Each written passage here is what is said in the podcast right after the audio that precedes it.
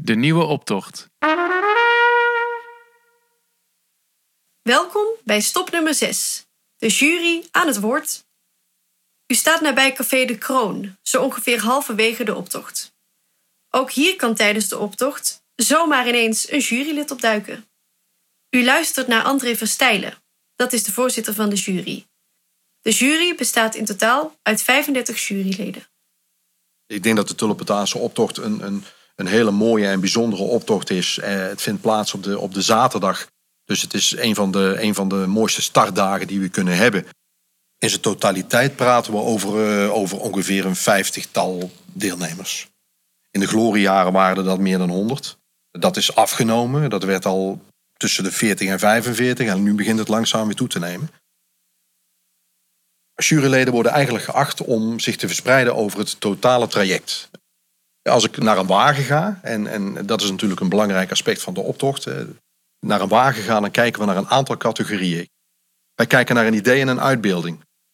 Wat gebeurt er op die wagen? Wat, hoe is er ingespeeld op het motto?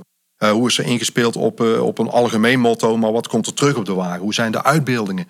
Hoe uh, is het aangezicht van de wagen? Is hij helemaal sluitend tot aan de grond? Of, of zien we bepaalde onderdelen op de wagen die eigenlijk niet in het zicht moeten staan? Dan hebben we de techniek op de wagen. Alle bewegende delen. De afwerking, het spuitwerk. Is het goed gespoten? Hebben we mooie schaduweffecten?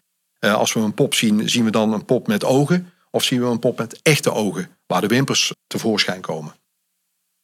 Tegenwoordig heb je heel veel verschillende manieren om een wagen mooi op te bouwen. Men gebruikt zelfs textiel, men gebruikt stof, men gebruikt uh, bont. Je hebt hele belangrijke acties rondom de wagen en op de wagen.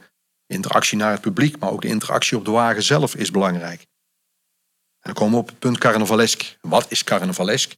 Carnavalesk is in, in onze ogen de, draaksteken met uh, met de mensen of met, de, met de, de, huidige politiek of de draaksteken met de huidige situatie in onze stad. Dat is een vorm van carnavalesk. Een stukje plezier, wat belangrijk is. Hebben ze plezier rondom die wagen?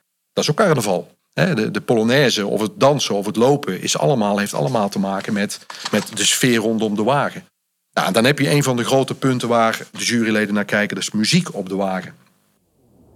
Wat wij belangrijk vinden, is dat de muziek op een bepaald decibelniveau staat, zodat het voor iedereen goed te doen is. Zowel voor de mensen die voor of achter de wagen lopen, voor de groepen die voor of achter de wagen lopen, maar ook voor de mensen die aan de kant van de optocht staan, dat ze niet overbulderd worden met muziek.